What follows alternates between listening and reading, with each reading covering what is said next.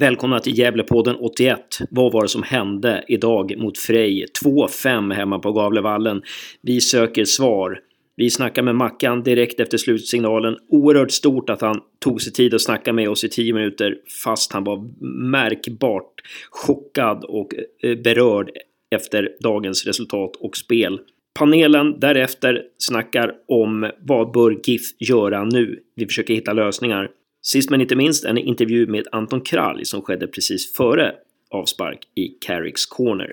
Nästa podd, nummer 82, kommer nästa vecka. Den innehåller en lång intervju med David Norell Hussein. Håll till godo!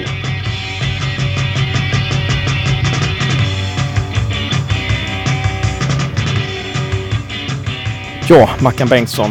Eh, vi sitter här eh, 15 minuter eller 20 minuter efter slutsignalen. Eh, Gävle Gävle förlorat med 2-5 sådär och varit en presskonferens. Och, eh, men vad, vad, vad är du mest missnöjd med efter den här matchen?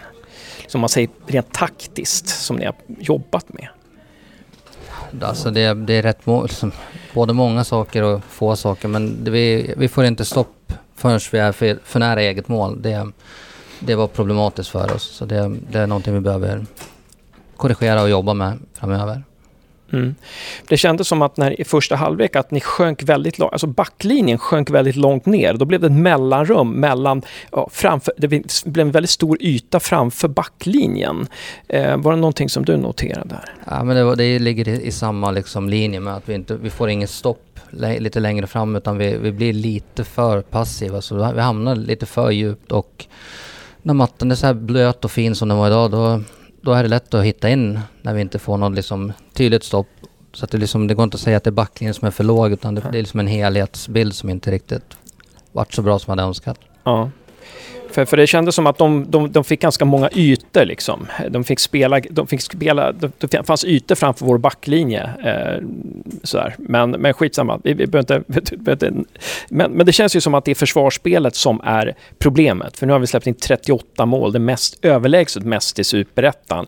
Och eh, är det det som, ja, dina tankar kring det? Ja, det är klart att det är väldigt, liksom, det, det är inte bra för oss. Eh, men några av de här målen kommer också till när vi, när vi själva gör val i vår speluppbyggnad som leder till att Frej får väldigt stora ytor. Och vi har pratat om att någon gång, en passning som går fel kan man klara av men det blir för många tillfällen där, där vi får negativa omställningar och vi inte är riktigt i balans. Och då, då är de flesta lagen i Superettan tillräckligt skickliga för att, för att liksom skada en. Mm. Men skulle man inte kunna tänka sig att vi pressar högre? Vi gjorde ju det i viss, i, i viss mån ibland, liksom, men att det känns som att vi spelar på väntan ganska mycket. Att vi väntar in dem. Ja, det får nästan titta på den en gång till med, med mm. inte lika mycket känslor inblandade. Mm. Men, ja, men det finns nog någonting i det. Mm. Eh, som på fan, fansen på läktaren pratar ju liksom, ja, väldigt mycket om att eh, det, det är lätt att liksom, det hela tiden att de, motståndarna, nu har vi haft två bottenlag då, Landskrona och Frej och vi har släppt in åtta mål mot dem och förlorat mot dem liksom. Eh, om vi börjar där då, liksom, vad, vad, kan, vad kan du säga för att ge hopp till fansen? Nej men alltså vi, vi vet ju om att serien är tuff. Det är som alla, alla lag slår alla lag och eh, det är en hel del poäng kvar att jobba och jag tror att även fast det är en till käftsmäll så, så måste vi lära oss av den. Eh, och att tro på att det finns utveckling i gruppen och att vi liksom helt enkelt sluter samman ännu mer och jobbar oss vidare från, från det här. Och det finns som sagt mycket att lära av, tyvärr väldigt tuffa lärdomar, men ändå lärdomar. alltså. Mm. För det har ju sett ut väldigt mycket så här genom hela serien. Att motståndarna har lättare, lätt att skapa målchanser på oss, men vi har svårt att skapa målchanser på dem. Alltså det, eh, håller du med om det? Ja, alltså jag, jag, tänker de här två matcherna så tycker jag att vi har skapat tillräckligt heta lägen för att liksom för att kunna liksom vinna matcherna. Men det, det hjälper ju inte när lägen åt andra hållet också är lika mm. heta utan mm. det gäller för oss att dra ner på antalet farliga avslut för att nu känner jag ändå att vi vi har vinklar i vårt spel som ger oss bra anfallsmöjligheter. Men eh, två mål i, i, en match är oftast ganska tillräckligt för att vinna den. Men Mm. släpper man in fem så, så vinner man ju självklart inte. Nej. Så det blir mycket försvarsspel. Jobba med försvarsspelet den här veckan. Det kan det bli liksom, men alltså fortfarande ändå jag pratar om att vårt anfallsspel måste liksom, vi måste våga spela det anfallsspel som vi är bra på utan Mm. att bli alltför rädd. Men vi behöver värdera lite bättre än, än vad vi gjorde idag. Mm. Tror att anfallsspelet blir lidande sen då, när vi ligger under med 4-2, att inte samma geist liksom? Nej, det blir, vi spelar lite för mycket på chans och man vill göra någonting på egen hand och det, liksom, det blir inte bra för oss utan den sista delen fram tills egentligen 5-2 tycker jag den är riktigt, det är inte bra av oss alls Nej. utan vi behöver vara starkare än så än att släppa iväg alla hästar ur, ur stallet så att säga. Mm. Men vi pratade om det förut, sista frågan, men vi pratade om det förut det här med att det är ett orutinerat lag, väldigt, det yngsta laget i Superettan. Eh, du är en orutinerad tränare, Jonas är en orutinerad eh, assisterande tränare. Och så här, vore det inte bra då att värva in till exempel en rutinerad målvakt, en rutinerad eh, typ en Nisse Johansson-typ eh, i backlinjen, en så här, som stadgar upp, liksom, som, som skapar stadga? Alltså, det där kan man ju alltid tvista och dra. Liksom, utan jag, mitt fokus är på, på de spelarna som vi jobbar med och jag är fortfarande fast övertygad om att vi lär oss och kommer vara ett bättre lag för varje dag som går. Eh, sen vad som finns utanför oss, det, ja, det har inte jag så mycket att, att kommentera för det, det styr inte jag. Men det är ju silly season. Du sitter med. Sitter inte du med sportkommittén där tillsammans med Ja. teorin och... Men man kan ju liksom, det, det handlar om vad man har för förutsättningar. Att, alltså Mm. Det är klart att man kan sitta här och tänka att man ska ta in en si Mm. och så och si och så men jag, jag tänker inte så utan jag jobbar med det, det som, som, har, som Mm. jag har och det som, som liksom finns framför näsan på mig. Jag förstår, jag förstår. Jättesnällt att du ställde upp, eh, Marcus, eh, trots eh, det här resultatet. Någon hälsning du har till fansen? Nej, kämpa på. Precis som för oss. Det gäller att liksom gnugga samman och, och försöka hålla ihop även fast det är tufft. Ja, precis. Tack så jättemycket. Tack själv.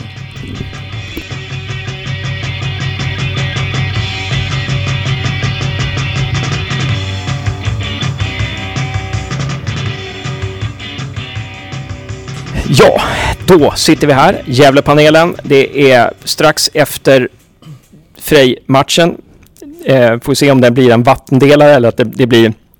Det kanske blir den matchen, efter den matchen, som vänder allt. Alltså frågan är åt vilket håll det vänder. Men eh, vi har förlorat med 5-2 på Gavlevallen. Det är den, vad är det, 5 augusti. Det finns några dagar kvar av värvningsfönstret, silly season. Eh, och eh, vi kan väl bara börja där helt enkelt. Behöver Gävle värva någonting? Vad säger ni? Men nej, jag ska presentera panelen först. Eh, Niklas Backlund, välkommen! Tack så mycket. Trevligt. Att vara här. Schysst att du kan vara med. Hugo Ådvall, Ja, kul att vara med. du sitter i Hille IF-mundering Japp, som en protest. jag har spelat cup hela dagen. Okej, hur gick det? Två vinster, två förluster. Okej, och du är lagkapten säger jag också där. Ja, Ja, Josef, välkommen. Tack. Hur mår du? Dåligt. Just det. det, Kan det- man må på något annat sätt? Ja, precis. Vi, vi börjar till och med gräla på läktaren, jag och Josef. Nej, jag blev arg. Och du tog, tog det personligt utan någon jäkla anledning. Precis, och det kommer som ett extra material efter den här podden. Nej, det gör det inte alls. Nu ska vi gå över på de väsentliga frågorna. Silly season fortfarande. Den slutar, fönstret stänger nästa lördag. Vad säger ni? Det är bara att kasta sig in om man har en synpunkt. Behöver Gävle värva? Och i så fall, vad behöver man värva? Ja, det är svårt att säga. Jag tycker vi har ganska bra trupp överlag. Eh, men nej, jag tycker, jag tycker väl inte att vi behöver riktigt... Det kan väl vara en innermittfältare då, tycker jag. Eh, som behöver komma in. Eh, jag tycker inte riktigt det håller just nu. Uh, backlinjen är ju liksom... Det har ju varit dåliga försvarare helt enkelt. Men det är ju mer strukturellt problem tycker jag. Hela försvarsspelet. Att det, man måste liksom jobba på det istället. Jag tycker man måste värva.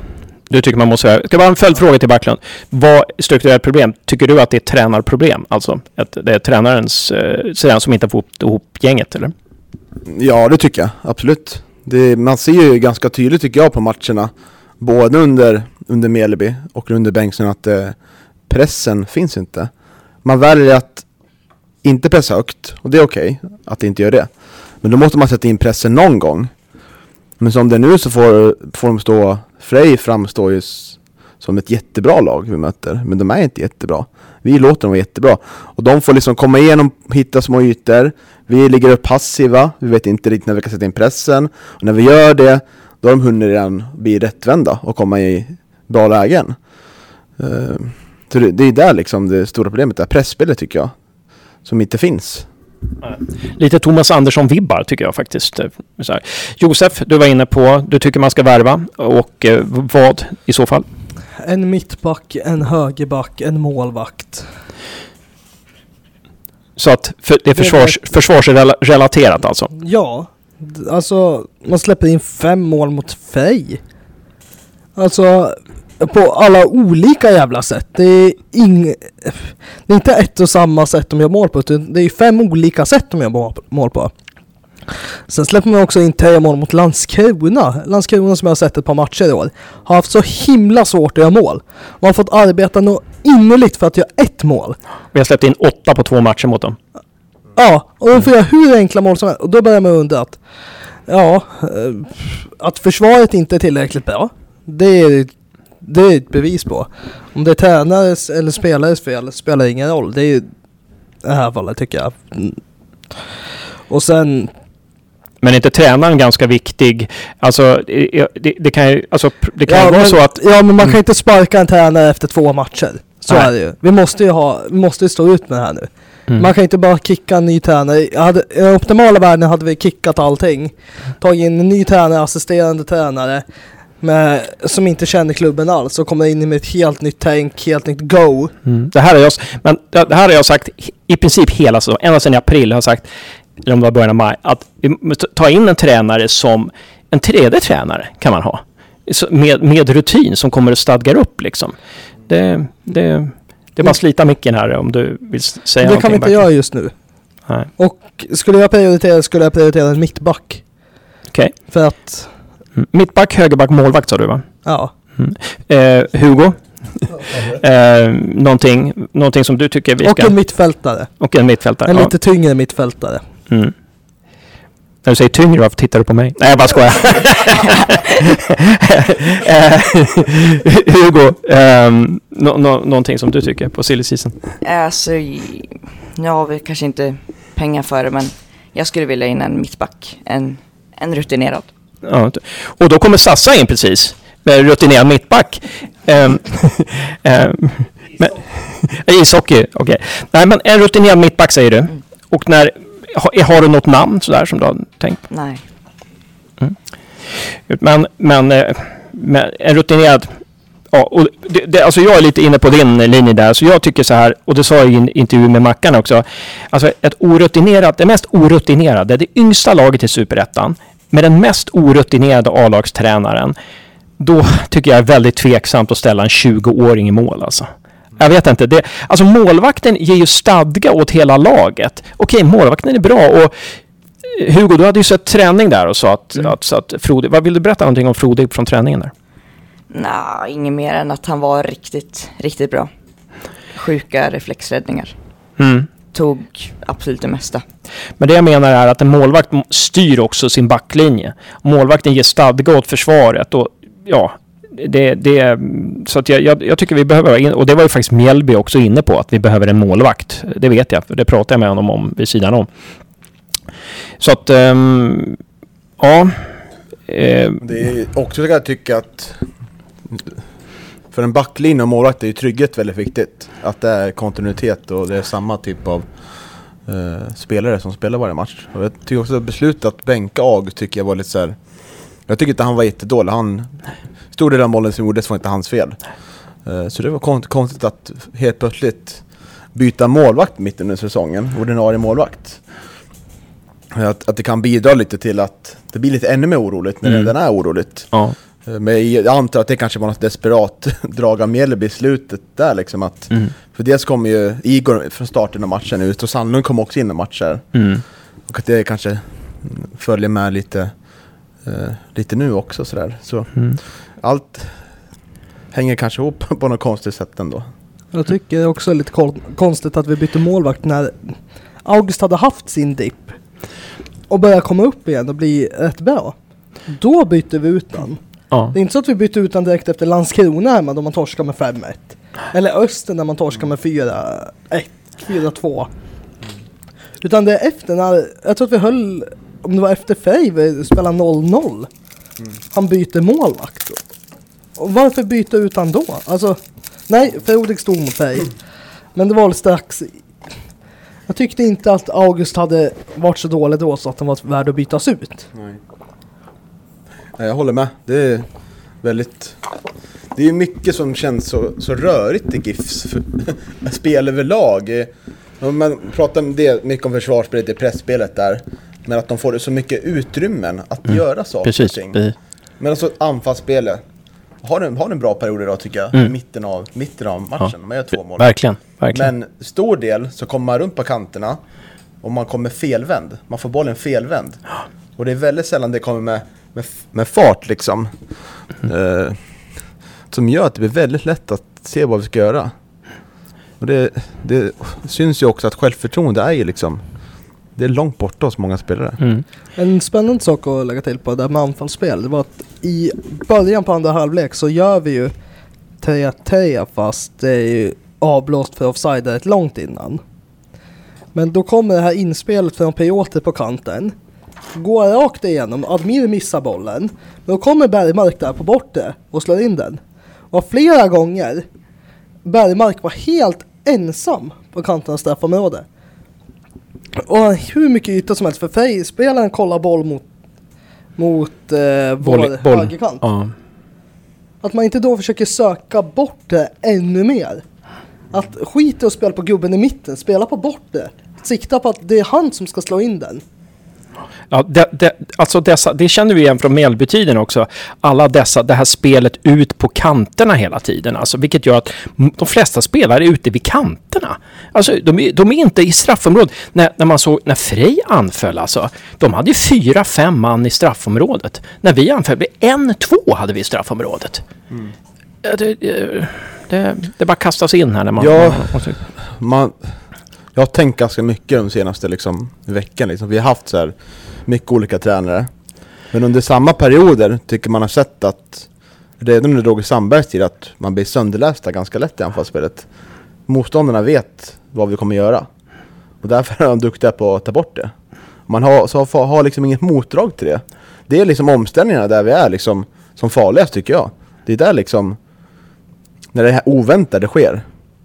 För när jag väntade sker med GIF idag, då, då är vi jättelätta. Ja. Och eh, då blir det bara, då blir det inget lag som spelar, det blir en massa individualister som försöker göra det bästa situationen.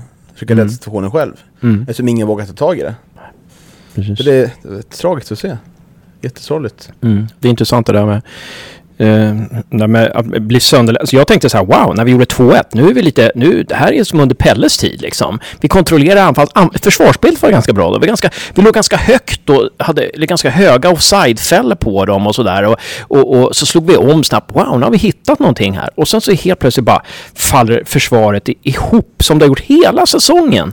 Nej, men det är sådana ytor i försvarsspelet så jag blir alldeles, jag blir alldeles matt alltså. Ville Hugo lägga till någonting där? Nej, alltså vi hade en jättebra anfallsperiod där när vi gör de två målen. Och sen så är det väl pausen där för Oskar.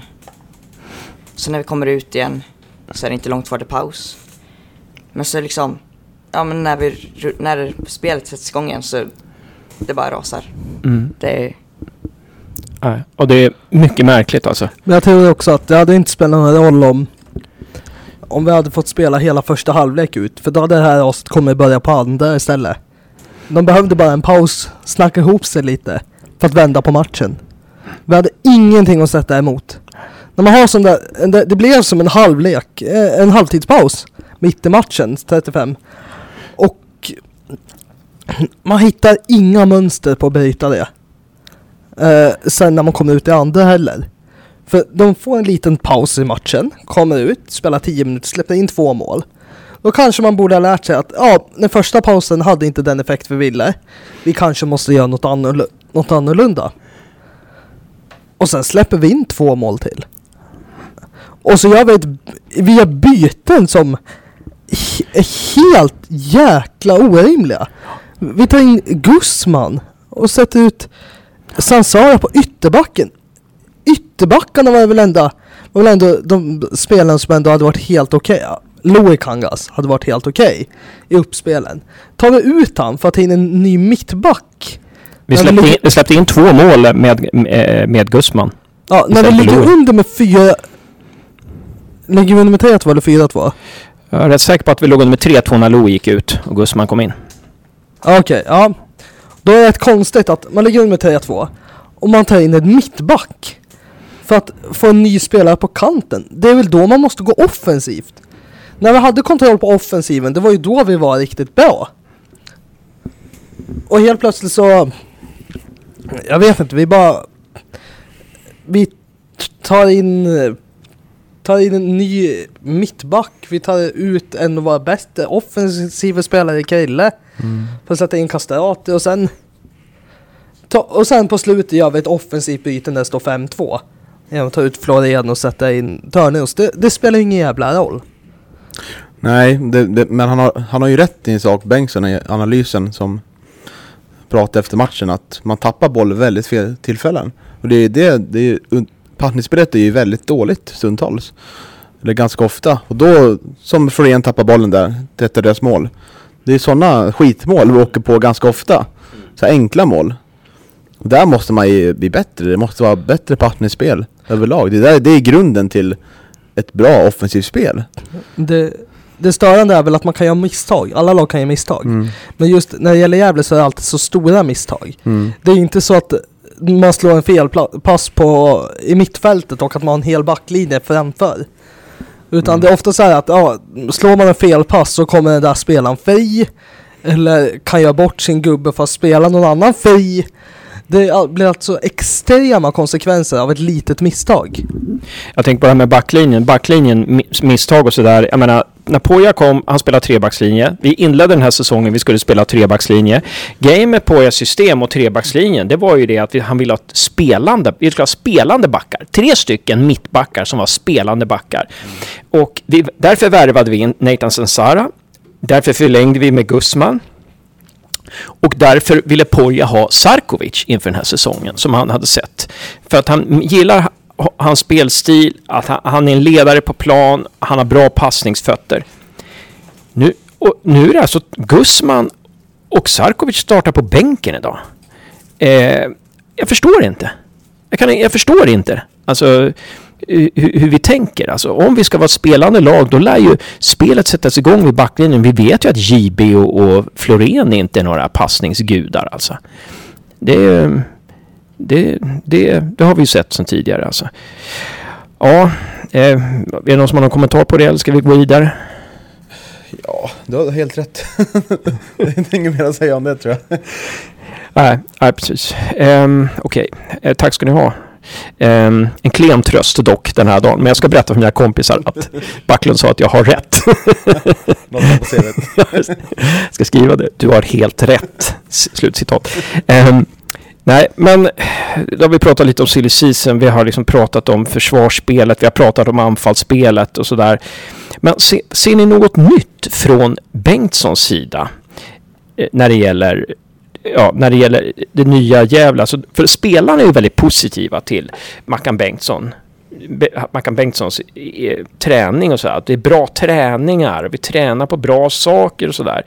Eh, men samtidigt så är anfallsspelet fortfarande lite det ser så. Det är fortfarande de här, kan, de här kan, bollarna alltså ut på kanten och massa inlägg som inte leder någon vart. Och det är fortfarande otroligt ihåligt i försvarsarbetet. Är det någonting som Mackan inte har fått fram? Eller vad, vad ska vi dra liksom för, för... Kan vi dra några konsekvenser utifrån Mackans ledarskap här? En ny sak som du sa, som vi faktiskt ser, det är att det är lite kontinuitet i startelvorna. Nu måste vi byta ut en spelare för att det är en avstängning, men annars kör vi exakt samma elva. Och jag tänker på det här, ja, spelarna är ju positiv till träningarna nu. Att ja, vi tränar på rätt saker. Då om man, det är därför man jämför Mjällby med nu. Om man skulle jämföra nu för ett år sedan, undrar om de skulle vara lika nöjda med träningarna då? Ja, det, är, det är ju svårt, man säger ju alltid som spelare utåt att man är nöjd. Det sa det väl med Mjällby i början också. Och eh, med alla andra tränare har haft. Eh, men- Nej, så det, är ingen, det är ingen spelare som säger att jag är missnöjd. det är Nej, det gör, skitdåligt man, liksom. det gör man inte utåt, då Nej. går, man- går, begår man ju väldigt, då får man inte spela mer. Säkerligen, så är det. Men vet du, det, jag tänkte på, mycket har ju sett likadant speluppbyggnad. Det är mycket krossar liksom, crossbollar över till andra kanten och, och sådär. Men man ser väl att, att han gillar Björkman mycket. Han får ju spela mycket nu. Mm. Björkman och Sansara som mittbackar, de får ju stort förtroende. J- JB, det var den första han Poja plockade bort när han kom. Ja, JB var ju liksom äh, bänken in med Lans, Rauschenberg och vem, och, och vem det nu den tredje var där. ja han är, han är jag tycker han är, Florén. Ja. Ja. Florén kom in sen, men det var någon som var in. Florén in. Han är ju liksom, för mig är han ingen start, startspelare. Alltså Björkman. Jag tycker hellre Sarkovic eller Gusman är de som, som man kan spela liksom. Eh, Men man ser väl där förtroende där och att uh, att Törnros inte alls är liksom inte, han är ju bänkad nu. Och eh, eh, ja, mittfältet är ju ganska, det är ju, mi- vi har mindre mittfält nu innan efter fönstret här. Så Sandlund får ju komma in då för stort förtroende. Ja. Men annars är det, det är ju skralt. Jätteskralt där bakom. Mm. Det vi har Yassin som är iskall. Mm. Verkligen. Verkligen. Och sen har vi juniorer på bänken som Mm. ja, Precis. svårt att förvänta sig något mer av. De skrämmer ju inga motståndare. De vi har på bänken. Alltså, Nej. så är det ju. Precis, så är det. Nej. Eh, Hugo, någonting som du vill lägga till där när det gäller Mackans, eh, Mackans ledarskap? Någonting nytt som du ser? Du har ju varit nere och sett en del träningar och sådär. Ja, så jämför man som Josef sa träningarna nu med Mackan mot de som Mjällby hade så är det ju stor skillnad. Det är mycket bättre träningar. Men samtidigt så är det ju också som Josef sa, skulle man jämföra med Pojas träningar förra året så är det inte säkert att man tycker likadant då liksom. Nej. Jag tycker dock att Adam har blivit, han har ut sig. Sen Mm. Mackan tog över. Okej. Han var bra nu sist mot Landskrona och var bra idag också tycker jag. Mm. Ja, men eh, jag hoppas de får ordning på det. Men det är alltså det är åtta insläppta mål på två matcher. 38 mål har vi släppt in på, jag vet inte hur många omgångar vi har spelat nu, men det, det, det, bara, det läcker ju bakåt som ett såll alltså. Jag, jag, jag, jag är djupt bekymrad över det här. Och jag är djupt bekymrad om vi inte agerar under det här transferfönstret. Det känns som vi håller på att spara oss ur superettan. Vi hade någonting när Poja kom. Poja gick i och för sig, men vi hade kunnat värva in en tränare där. Vi hade kunnat lägga pengar på att få in en riktigt bra tränare.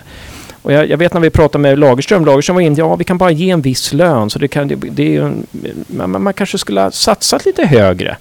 Ska, kanske skulle ha gått lite kortare i truppen och, och satsat på, en- på en riktigt bra tränare som kan ta med sig hela föreningen på en resa. Liksom. Ibland måste man satsa. Eh, det, det känns som att vi, vi efter Poja gick så har vi liksom sparat. Mjällby fick själv betala sin eh, out i Västerås eh, och så vidare. Och nu när vi skulle ha eh, tränarbyte så, så, så liksom fick Mackan ta över och Jonas bli eh, assisterande och sådär. Där hade man ju kunnat, jag menar, där hade man ju kunnat verkligen göra någonting. Alltså, det finns ju massor med bra tränare. Eh, Mackan tillsammans med någon annan, någon stark röst som, har, liksom, som kommer in med något helt annat. Det är kanske det också som behövs. Liksom. Någon kommer in med något helt annat. Va? Det, det är liksom, vi lunkar på, vi gör oss av med spelare, tar vi in, ja, vi, vi, vi, vi, vi, vi är yngsta laget i Superettan. Men, men då tar vi in en 24-åring, Bajrovic, eh, som har suttit på bänken i Växjö. Och det är en jättebra straffområdesspelare och jättehärlig kille och sådär. Men frågan är liksom om vi ska stanna där. Jag, jag är bekymrad. Jag är jäkla bekymrad. Tänk Eh, så här, alltså Bajrovic är ändå en 25 gånger bättre värvning än vad Törneus har varit. Eh, han har spelat två matcher och gjort ett mål. Törneus har spelat 10 gjort ett. Mm, gjorde assist också då. Bara- Ja, så man ser ju direkt att det blir en poängspelare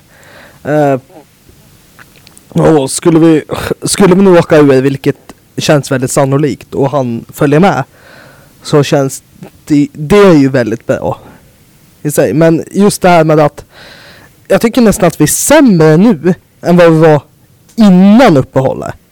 Innan uppehållet så släppte vi knappt in något mål. Vi Varberg spelade vi 2-2, Frej borta 0-0. Så möter vi två eh, bottenkollegor igen. Landskrona och så möter vi Frej igen. Och Frej gör helt plötsligt fem mål på oss. För att vi var på Vikingavallen och tyckte att Ja fan det här ser ändå helt okej ut. Vi var väldigt dåliga framåt men vi var rätt okej bakåt. Det är, det är ju så här, vi har perioder i matcherna där vi får till bra anfallsspel. Men tyvärr är de perioderna kanske 15-20 minuter. Och sen kommer vi till tillbaka det. Det är som man har liksom en, en, en tro på att nu kan vi göra det här och alla taggade. Men sen när man får någon motgång då slår det tillbaka på en gång med full fart liksom.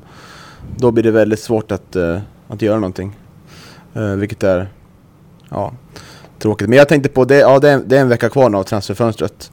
Och uh, vad kan man göra då? Tränare kan, kommer man inte göra så mycket mer, tyvärr.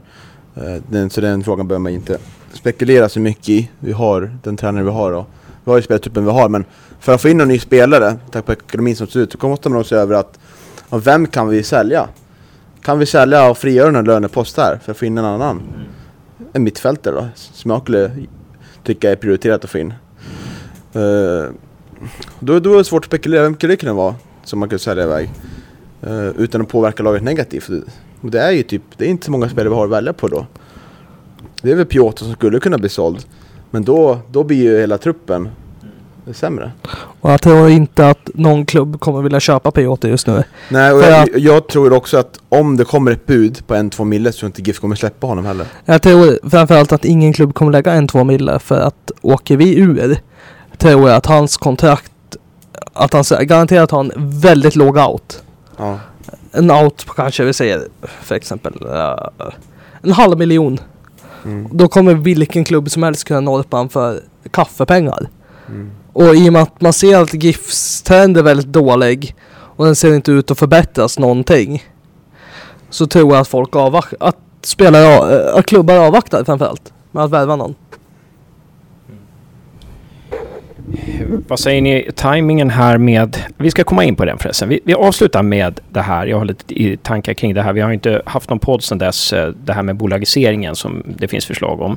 Vi kommer in på den snart. Eh, och sen så, men jag tänkte vi skulle prata... ja, Vad ville du prata om? Om det enda positiva med GIF nu. Ja, kör. Damlaget. Just det. Bra. Vi hade ju någon Du var såg senast banderollmålning igår. Mm. Så att jag kommer inte. Jag såg stora delar av matchen medan de andra gjorde något vettigt och målade typ. Men jag fyllde i en bokstav sen kollade jag på matchen. Eh, och man ser ju vilken klass Gävle IFs damer har. Det är helt otroligt att när man står, jag framförallt något jag reagerade på när jag stod på läktaren, det var att eh, man ville se, vissa passningar man ville se av dem gjorde de inte. För att de var så överlägsna. Som kunde spela ännu mer komplicerat och avancerat. Än vad man är van man att se GIFs herrar göra. Att istället för att göra den här säkra bakåtpassningen när man har överlappat. Så valde de att eh, försöka, till exempel försöka bryta in. Och skapa ett läge på egen hand. För att de var, det kändes som att de var så överlägsna motståndet. Och angående det här med bolagisering också lite snabbt. En, en, du- okej. en liten punkt. Okej. Att på forumet så har det varit mycket gnäll på att ja, varför, man, varför man har satsat på damerna. Om det har kostat så mycket, la la la la la. Och det är helt idiotiskt att man sätter de två mot varandra för att damerna har ju knappt, jag vet inte ens om de har några löner, de kanske har ett lågt arvode. De har inga, de har inga löner. Inga löner Nej. alls. Det som kostar det är resorna. Och varför skulle vi inte ha ett damlag när det är det bästa som finns runt Gävle IF just nu? Mm. De som faktiskt spelar rolig fotboll och Mm. de har faktiskt riktigt jäkla roliga att se. Och det skapar faktiskt jäkla goodwill också i föreningen, alltså det här med, med damlaget. Alltså det, det, det blir ju en verkligt tight förening och ja, men när vi, när vi, de, de eh, ja, när, när vi har haft eh, tjejerna, någon av tjejerna med eller tränarna med i podden, då har våra lyssn lyssnarsiffror åkt upp väldigt mycket mer. Så att eh, eh, det... Sen är det också såklart vi ska ha damlag. Alltså Mm. en normal förening, en professionell idrottsförening Ja. har ett herrlag och ett damlag. Det är inga konstigheter. nej, Så att hålla på att man ska ta bort ett damlag eller inte satsa på ett damlag, det är helt idiotiskt. Ja. När det här laget Mm. har spelat med varandra så länge. Mm. Det är som gamla GIF, Mm. verkligen. Att man hade en, en gammal kärna, alla kände alla sedan länge och spelade med varandra. Man vet vad man förväntar sig av varandra. Det är ungefär det här herrarna skulle behöva. En trogen kärna. Det Mm. hjälper inte bara att ha Jonas Lantto. Nej, precis, precis. Ja, men bra, jättebra punkter där Josef. Eh, om vi, vill du fylla på någonting där, Backlund eller? Eh, Ja, men jag kan väl bemöta att om da, att damlaget skulle kosta mycket. Det är ju liksom... Vet du själv, jag pratade med David, klubbdirektör, att det är inte, inget mycket pengar alls man lägger upp på damlaget sett till man gör mot herrarna liksom. Så det är liksom, skulle man ta bort damlaget skulle det inte göra någon större skillnad. Det skulle bara bli negativa konsekvenser. Mm. Både sportligt och Mm. intressemässigt sådär. Hugo, du, du nickar där. Ja, nej, jag håller bara med. Mm. Ja. Eh, två saker till. Bo- Vi avslutar med bolag- bolagiseringen. Eh, men det här med... Eh, det, det är ju helt suveränt att GIFs damlag bara är där uppe. Det är helt så jäkla suveränt. Det ska jag säga innan vi går in på den näst sista frågan som naturligtvis rör här i laget. Då. Men det är, helt jävla suveränt att de, de kommer klara sig kvar med marginal och, liksom, och, och, och, och bli, sluta i topp på den där serien. Det är helt sjukt bra. Eh, Har ingen chans att gå upp? Ja, om, om ja, de Bollstanäs- ligger ju trea nu. Ja, Fyra, fem poäng efter tror jag. det är Bollstanäs mot... De, de, om de slår Bollstanäs och Bollstanäs förlorar en till match kanske. Eller något sånt där. Men, Jag känner lite negativ alltså. Va? Jag inte tro på det här. ja, precis. Jag måste tro på det. Tur att inte jag är inblandad i, i, i det sportsliga. Eh, men, det här med GIFs eh, herrlag då. Med, jag menar, de har inte vunnit sedan i april. Eh, de har, man har ju slutat med det här. Man hade ju, hade ju en, en ehm, eh, sån här mental coach inblandad förut, men det har man inte haft råd med, så det har man ju brutit med. Liksom. Men va, va, vad är det som kan ta GIF nu in på vinnarspåret igen? Oj. Vad, liksom, vad, vad, är det som, vad är det som skulle kunna... För nu är vi ganska negativa. Nu tror vi att...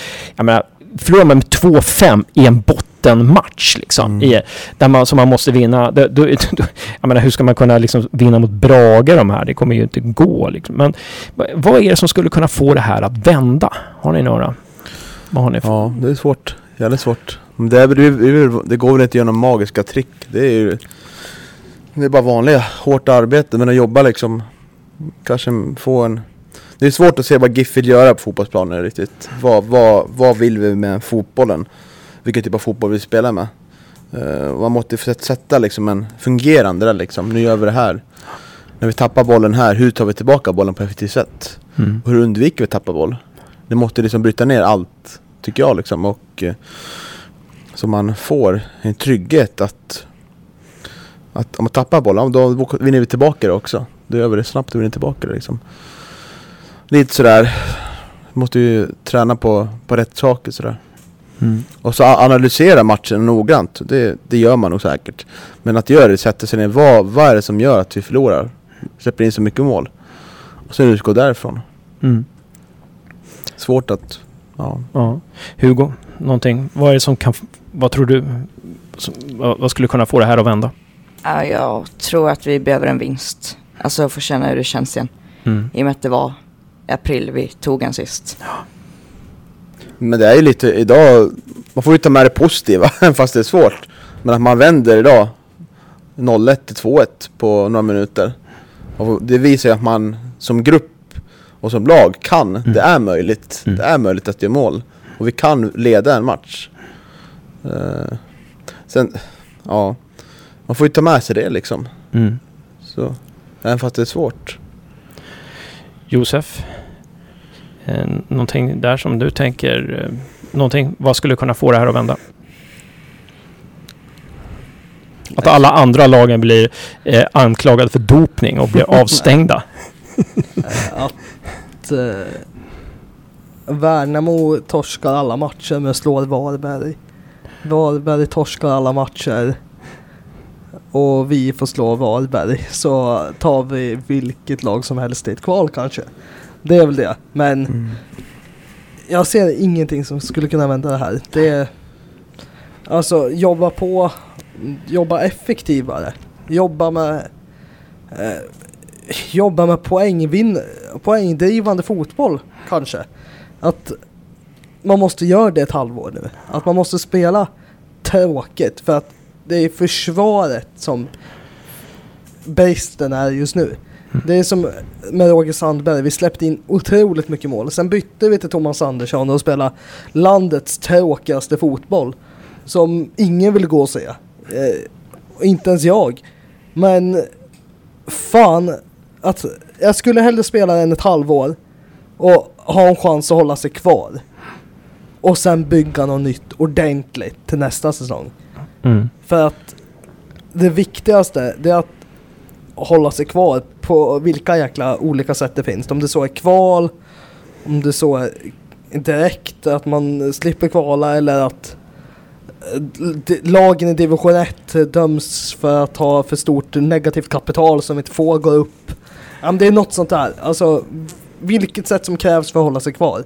Det är rätt väg att gå. Det är inte rätt väg att försöka utveckla någonting. Tycker jag. Det, det som är jobbigt med den här matchen också att Räkna på det innan att vi måste ju ha ungefär 30 poäng, kanske mer. Och då måste man vinna varannan match som är kvar. Och ser man på spelschemat den här månaden så är det var Frej idag som ligger i paritet med oss. Sen har vi två tuffa bortamatcher mot Halmstad och Helsingborg som vill ta Allsvenskan. Ehm, och Brage hemma som är, som vi sett vad de kan göra Mm. när vi mött dem. Men det, det som liksom, det är jävligt tufft. Men det som kanske kan tala positivt för oss det är att på bortaplan får vi ligga i omställningar. Och då kanske vi får lite mer mål, enkla mål. Mm. Så det, det är väl något litet positivt man kan ta med sig men det, det, det är, vi måste börja vinna och ju mer vi inte undviker att vinna eh, desto svårare blir det såklart. Mm. Mm. Det är också sant. Mot framförallt att vi kommer absolut inte ha nå- några förväntningar på oss mot Halmstad eller Helsingborg. Nej precis. Och- vi kommer vara underdog. Och vi vet exakt hur matchbilden kommer vara. Vi kommer inte ha boll. Och då, kanske, då kan det vara enklare att träna och anpassa sig efter de två matcherna. Mm. Samma sak mot Brage. Att vi kommer antagligen inte heller ha så mycket boll då. Anpassa sig och veta om hur matchbilden kommer se ut. För idag mot Frej så hoppas man ju att nu tar vi tag i det. Och vi gjorde en kort stund. Men sen förföll det otroligt. Mm. Ja, eh, Vi är bra på kontringsspel. mm. Vi har ju gjort det förr. Gjort det förr mot sämre lag. Eller mot bättre lag menar jag såklart. Sådär. positiva vi har mot Helsingborg, det är att vi inte har torskat den mot dem sen 2013. ja, någonting sånt där. Mm, det är ganska bra mot Det är dem. ganska bra. Ja, ja, eh, vi, vi får se. Eh, jag tror att vi måste ha in fler spelare. Eh, och och eh, jag, är, jag är lite fundersam över att vi värvade Fitin Kastrati treårskontrakt, Erik Törnros treårskontrakt. Eh, vi förlängde med Gussman och de tre sitter på bänken. Eh, förvånande. Eh, eh, men, men vi, måste, vi, måste ha in en, en, vi måste ha in några rutinerade som kan få igång det här laget. Det tror jag enda, det tror jag enda möjligheten. Eh, och en, eh, en assisterande tränare till, till Mackan också. Skulle, det tror jag skulle vara bra. Någon som kan komma in med en ny röst. Vi behöver en ny röst. Helt enkelt. Ja, eh, då går vi till... Eh, någon som vill lägga till någonting där? Nej? Alla skakar på huvudet. Eh, då går vi slutligen till bolagiseringen då, som vi inte har hunnit prata penetrera tillräckligt i podden, eller ingen, inte alls eftersom det här är första avsnittet i den här veckan. Men det offentliggjordes ju i tisdags, tror jag det var, rätta mig om jag har fel, men att eh, Gävle IF lägger fram som förslag, det är ett förslag från styrelsen att vi bolagiserar verksamheten och eh, det kommer att vara ett extra årsmöte inom eh, tre och en halv vecka nu som beslutar det här om det ska bli eller inte bli. Och eh, era tankar om det, bolagiseringen, vad säger Backlund? Ja, det är väl ett nödvändigt ont eh, för att få med i moderna fotbollen.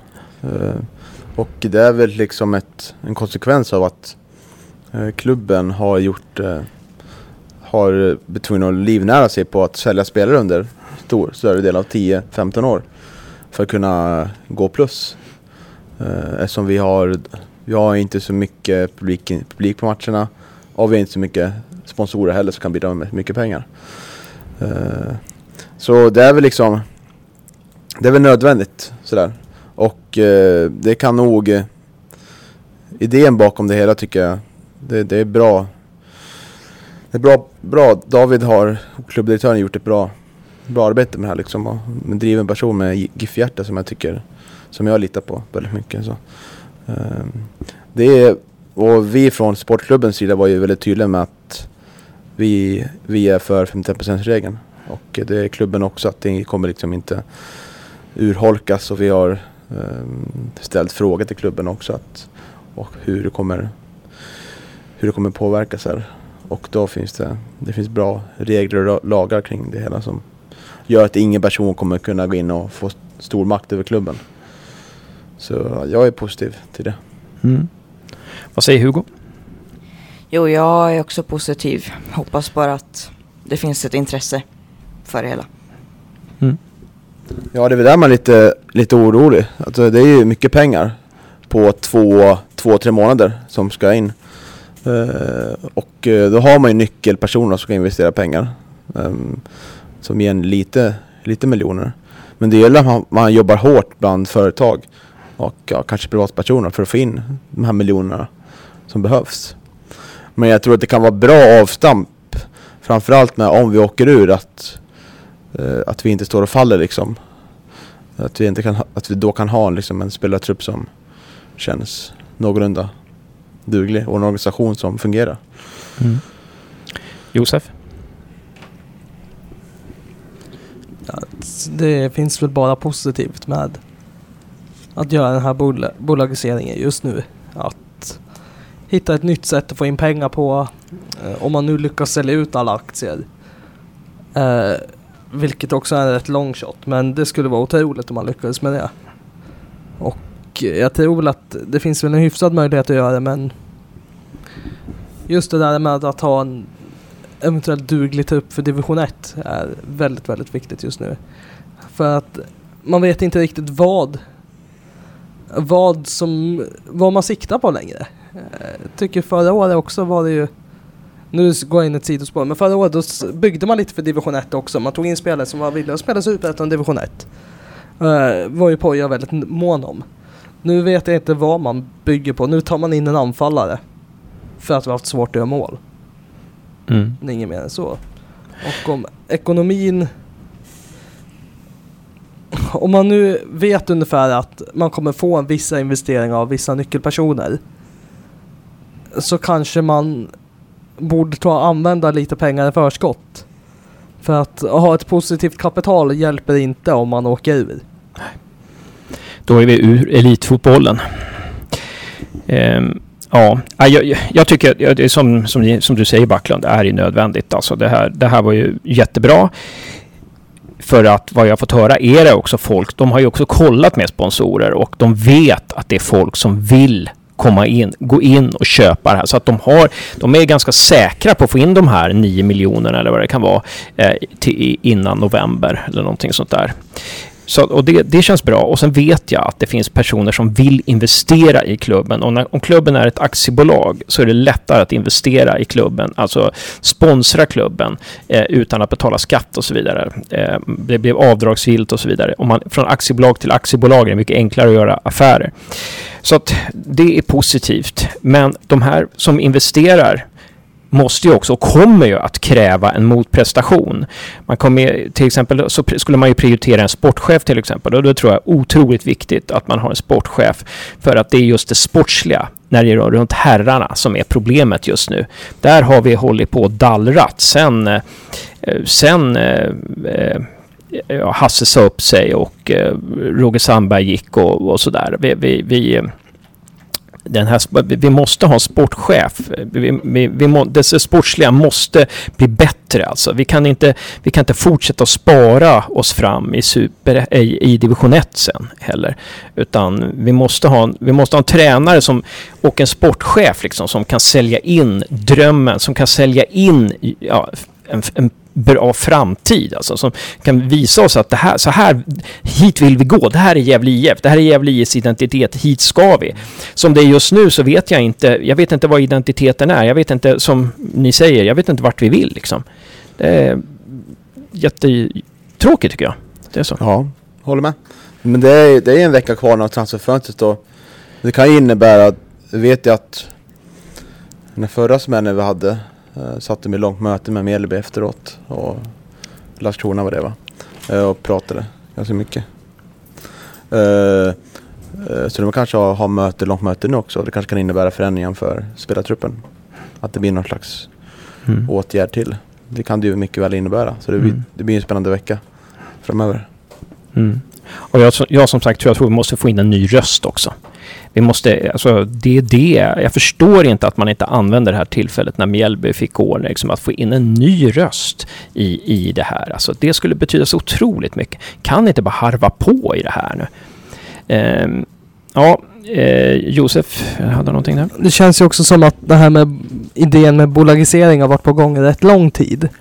Och att inte, att nu när det blev, ska man säga, ak aktuellt så var det väl typ på tal om att man skulle släppa en positiv nyhet i augusti. Redan när man sparkar Mjällby. Och om man då har tänkt, då måste man ju redan gjort en ett hyfsat bakgrundskoll på att vart finns det intresse av att investera i klubben? Och om man då har fått ett känslan ja, att man då eh, kör på, att man inte då kanske tar chansen att ja, men nu tar vi och satsar lite på en ny tränare, ny röst och kanske satsar lite mer i spelartruppen. Istället för att man försöker spara sig ur fram tills att man får höra att ja men vi ska försöka sälja aktier för 9,5 millar. Få in dem i november för exempel. Om vi nu skulle sälja alla. Ja, 9,5 millar. Men vart, vart ligger vi då i tabellen? Vilken serie spelar vi i december? Om man då har fått känslan kanske man då måste börja ta ut lite förskott på det. På det. Att... att eh, Göra som Sundsvall helt enkelt. ja, Leva över sina tillgångar. faktiskt. Det går ju bra. Hoppas på att någon liksom så här gammal spelare typ som vi har som de har med Emil Forsberg säljs. Hoppas på det. Ja men det är ju verkligen så. De, de har gjort detta. De fick ju 7 miljoner för Roman Gall. De har levt över sina, för, över sina besparingar och de har ju faktiskt haft den jäkla turen. Karma har ju verkligen varit på deras sida på ett eller annat jäkla sätt. Att man får, att det är en spelare som leder poängligan från deras klubb. Som man kan sälja stort. Ja. Å andra sidan har de jobbat strategiskt. Eh, CDG, en jäkligt bra tränare. De har jobbat i akademin. De har jättebra tränare i sin akademi. Eh, de har alltså en tränare som vi var intresserade av till vårt A-lag som, som är... Eh, som är Hudiksvalls gamla Ja, tränare. det. Så, som, är, som är anställd i deras akademi. Och det är, det är folk som flyttar till Sundsvall för att, liksom, Alltså för att spela i deras akademi. Så Ja, att, hur eh, ska det, säga? de har jobbat strategiskt och det är det vi måste göra. Norrlands, Norrlandsspelares alltså intresset när det kommer till olika akademier då väljs Gävle väldigt, väldigt långt ner. Inte många som vill gå till Gävle. Ja. Så folk föredrar Sundsvall, för, folk föredrar Hudiksvall. Uh, Umeå också, bara för att där spelar man en annan fotboll i akademin. Man spelar mer utvecklande. Man får också chans, chanser av laget. Och man kommer få olika chanser. Det får man inte i Gävle, anser många. Och Ja. det är därför vi inte har fått fram några bra spelare. Det ger ju också ett kvitto på att de spelare som faktiskt har lyckats, som har kommit in i vår akademi, har oftast inte lyckats här. Ja. Utan det är när man lämnar klubben. Erik Larsson, Marcus Hansson etc. Nu var i och för sig Erik Larsson var ju inte ordinarie när han kom till Sundsvall. Första året var inte han ordinarie, så att det, det tog lite tid för honom där. Eh, man vänder mig till eh, Hugo. Eh, Backlund kanske hade något, men vänta med det eh, och ta Hugo. Hur ser man på Gävle IF i, i Hille? Ja, man, man vet knappt vad det är. Alltså folk hejar ju på Hammarby, Elfsborg, Malmö. Det är så, det är så alltså? Ja, tråkigt. Tyvärr. Mm. Håller folk på Elfsborg?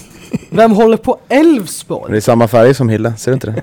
Ja men Elfsborg, det är ju ingen, det är ingen klubb som någon tycker om. Nej. Hade du... Dina polare håller på Elfsborg. Simon Lundevall håller på Elfsborg. Eh, Backlund, hade du något mer där? Nej, jag tror inte det. Då stänger vi butiken. Tack så väldigt mycket för att ni ställde upp här. Tack till Hugo Ådvall. Mm, tack Eh, grymt jobbat. Tack Niklas Backlund. Ja, tack detsamma. Det, det blir lite terapi efter match. Det är ett Bra koncept ändå. Precis, det är faktiskt det. Det är faktiskt det. Eh, tack Josef. Tack Hasse, tack, och tack alla andra. Ja. Då, då lägger vi ut den här eh, så snart som möjligt och eh, nu eh, ja, får vi se vad som händer den här veckan helt enkelt. Sillyveckan.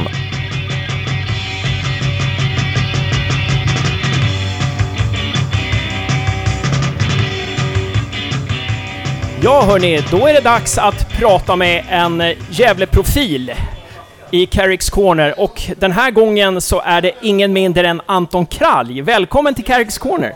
Tack så mycket, tack så mycket. Och eh, ja, massa intressanta saker på dig. När man googlar dig så hittar man massa intressanta saker. Ehm, men det ska vi komma till snart. Nu ska vi bara prata om anledningen till att du inte spelar idag. Vad är det för något? Jag har eh, tagit på mig tre gula kort så det är därför inte jag är med på matchen idag. Var det något av de här gula korten som var som, var, eh, som inte var ett gult kort enligt dig? Ah, så nu senast var det en kontring som jag ville stoppa så jag sparkade ner honom bakifrån och sen de två första gula korten fick jag första och andra matchen så det var två tidiga gula kort under säsongen och sen nu fick jag mitt tredje men man ska väl någon gång vara avstängd under säsongen så tyvärr blev det nu men någon gång måste man vara det. En, en, en konstig varning som du fick förra året, jag vet inte hur många som kommer ihåg det, men att du blev varnad för maskning när du inte kastade ett inkast tillräckligt snabbt mot Varberg, tror jag. Kommer du ihåg den? Nej, men man måste ha lite små, småknep under matcherna när man leder så det... Något måste man ta på sig. Så enligt dig var, kan det ha varit rätt? Ja, det kan det. Jo, men när man, när man googlar dig så, så ser man att din mamma vann SM-guld med Malmö 1986. Ehm, det var intressant. Är, är, det, är det mamman liksom som har fått, fått dig att börja spela fotboll, eller? Ja, man, eh, det var mamma som fick mig att spela fotboll och pappa, men han har inte spelat så högt upp. Men eh, man har fått sina fotbollskunskaper av pappa fall. Eller mamma. Vad var hennes position? Kommer du ihåg det? Inom mitt fält där. Och du då? Nu är du eh, wing. Poja gjorde ju om dig till, till wing, wingback. Eh, är, det en, eh, är det en position som du haft innan? Innan du kom till Gävle? Eh, under Malmö, Malmö FF-tiden så spelade jag som vänsterback. Vi spelar ju 4-4-2 så det blev att man spelar vänsterback och det var första gången som jag testade på wingback-positionen här i Gävle. Hur tycker du det är jämfört med att spela vanlig back, vanlig försvar, vänsterförsvarare? Ja, alltså det... Jag trivs både att spela vänsterback och wingback men eh, jag föredrar att spela wingback på grund av att jag är, jag är en offensiv vänsterback då man i detta nu 4-5-1 som vi spelar nu så wingback är en position som jag trivs bäst i men i och med att jag kommer upp mer i banan och kan utmana mer men eh, det funkar båda två. Och du började ju spela fotboll i Kvarnby, som är, antar jag är en ganska liten klubb i Malmö, eller? Ja, precis. En liten klubb. Och, och sen så kom du till Malmö vid 12 års ålder någonting. Eh, och eh, hur var det det då, att komma från Kvarnby till Malmö FF? Märkte man redan som 12-åring att det var en stor klubb, eller? Ja, det var, det var en stor förändring för jag kom från en liten klubb till Malmö FF som är Sveriges största klubb så det var, det var klart en stor förändring men eh, det var bara att det var ju mer professionellt i, i, inom klubben och hela akademin. Det var ju en, hel, hel, en helt annan värld typ kan man ju säga. Så det var bara att ställa om och inrikta sig på Malmö FF-linjen. Och sen så, ja, sen kom du med i ungdomslandslaget och så här. Det har ju gått ganska... När man ja, tittar på din karriär så har det gått ganska spikrakt liksom eh, till... Sen gjorde du A-lagsdebut för Malmö 2016. Ha, har det varit så ända sedan du började spela fotboll att, att det liksom... Att du har... Att det har gått rakt uppåt, eller hur skulle du beskriva din utveckling? Ja, så jag skulle vilja säga att jag har haft en, en bra utvecklingskurva. Rakt upp. Jag har inte haft så mycket motgångar men det är klart att man har motgångar under sin karriär. Det, när man inte får spela och man sitter på bänken och... Nej men under min karriär så är jag nöjd med min utvecklingskurva och den, den ska bara fortsätta rakt uppåt hoppas jag. Peppar peppar men... Eh, så ja, så man vet aldrig vad som händer under karriären som sagt.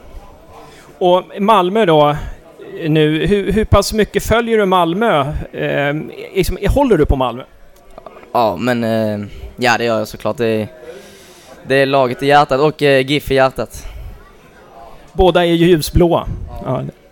Eh, men eh, eh, vad var det jag skulle fråga där nu då? Eh, ja, men alltså Malmö är ju ganska, det är en ganska skarp konkurrens. Alltså de, de har ju Rasmus Bengtsson och Lasse Nilsen och ja, det, det är liksom... Det, det är ju bara liksom lands, Brorsson och det är bara landslagsspelare nästan där bak. Då. Hur, hur ska du ta dig in i Malmö framöver? Liksom? Nej, det är väl bara att fortsätta spe, eh, spela här i Gävle, fortsätta försöka få minuter under säsongen, fortsätta spela och visa upp mig och leverera på planen så kommer det. Om inte det går så får man hitta andra vägar om man inte tar sig in i Malmö. Så det, det är bara att kriga på och eh, så kommer de, det kommer. Vad tycker du att du har utvecklat i Gävle? Eh, ja, framförallt mitt psyke. Så jag kom, jag kom ju i förra halvåret när det var tufft. Och så vände jag på det, alltså kom in och vände på det med laget och så nu har vi en, eh, en kurva som går neråt också men så tränar man på psyket där och så nu förhoppningsvis kommer vi vända detta så det är mycket med psyket man tränar på nu.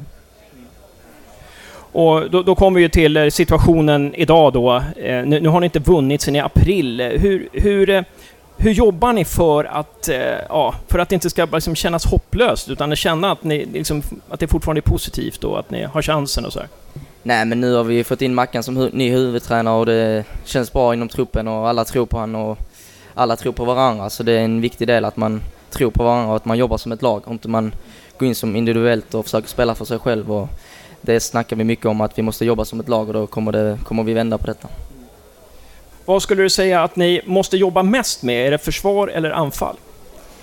Ja, skulle vi säga anfallsbiten. Det, nu senast mot eh, Landskrona så tyckte jag att vi fick igång ett mycket bättre anfallsspel. Vi visste vad vi skulle göra på planen och ja, visste våra positioner, hur vi skulle löpa passningsvägar och så. så det var nog den matchen vi hade mest avslut på under säsongen. Så det, anfallsbiten, det är en sak som vi måste bli bättre på. Men det tycker vi har blivit nu under eh, de tre veckorna som vi har hållit igång nu.